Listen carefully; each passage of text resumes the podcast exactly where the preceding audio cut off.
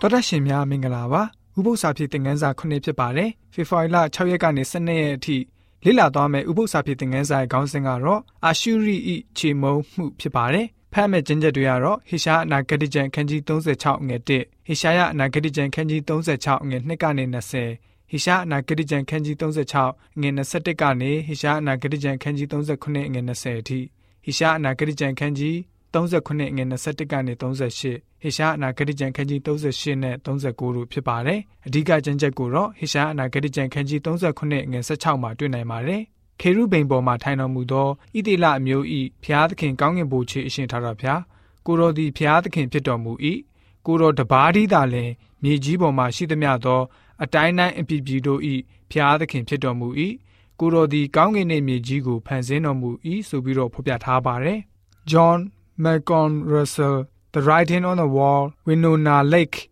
Indiana Eastern Braves 1996ခုနှစ်ထုတ်စာအုပ်ထဲမှာစာမျက်နှာ139ကနေ138မှာဆိုလို့ရှိရင်ဘယ်လိုမျိုးဖော်ပြထားလဲဆိုတော့ပိန်ချုံနေတဲ့လူကြီးတဦးဟာသူ့ရဲ့သားနှစ်ယောက်နဲ့အတူဖက်နှက်မပါပဲလမ်းလျှောက်နေပါတယ်။တစ်ဖက်မှာမိသားစုတစုက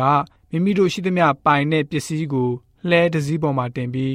နွားတိုးကြီးနှစ်ကောင်နဲ့ဆွဲလာကြပါတယ်။ ယောက်ျားကြီးတစ်ယောက်ကနှစ်တိုးနှစ်ကောင်ကိုထိန်းပြီးတော့ဆွဲလာစဉ်မှာလှဲပေါ်ကမိန်းမနှစ်ယောက်ထိုင်ပြီးတော့လက်လံနေပါတယ်။သူတို့ဟာလှဲမဝယ်နိုင်ကြလို့ပစ္စည်းတည်တဲ့အခါမှာပခုံးကိုသာအာကိုပြီးထမ်းရပါတယ်။နေရာတိုင်းမှာစစ်သားတွေရှိကြပါတယ်။မြို့ရိုးကိုဖြိုချဖို့ရန်နေရာတွေကိုမြို့တော်ရဲ့တကားဝကိုဆွဲသွားကြပါတယ်။လေးတဲ့တော်တွေဟာလည်းပဲရန်နေရာထက်ကနေနေပြီးတော့မြို့ရိုးကိုကာကွယ်နေတဲ့ခုခံသူတွေကိုပြစ်နေကြပါတယ်။လူအစုလိုက်အပြုံလိုက်ကိုရရဆက်ဆက်တတ်နိုင်ခြင်းဟာ တကိုးအာနာကြီးစိုးခွင့်ရပါတယ်လင်းမြန်စွာခြိတက်သွားကြတယ်ရှင်ဘင်ဟာမိမိရဲ့ပလင်ထက်မှာ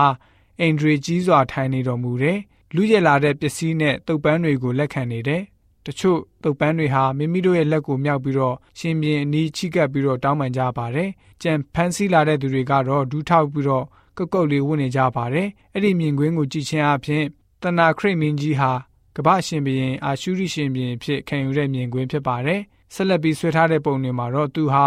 ပလင်နီမီဒုပေါ်မှာခန့်ခန့်ကြီးထိုင်နေပြီးတော့လာခိရှမြို့ကနေတိုက်ယူတဲ့ပစ္စည်းတွေတည်ဆောင်နေတာကိုထိုင်ပြီးတော့ကြည့်နေတဲ့ပုံဖြစ်ပါတယ်ဆိုပြီးတော့ဖော်ပြထားတာတွေ့ရပါတယ်။ရေးဆွဲထားတဲ့ပကြီကားတွေမှာတနာခရိမင်းရဲ့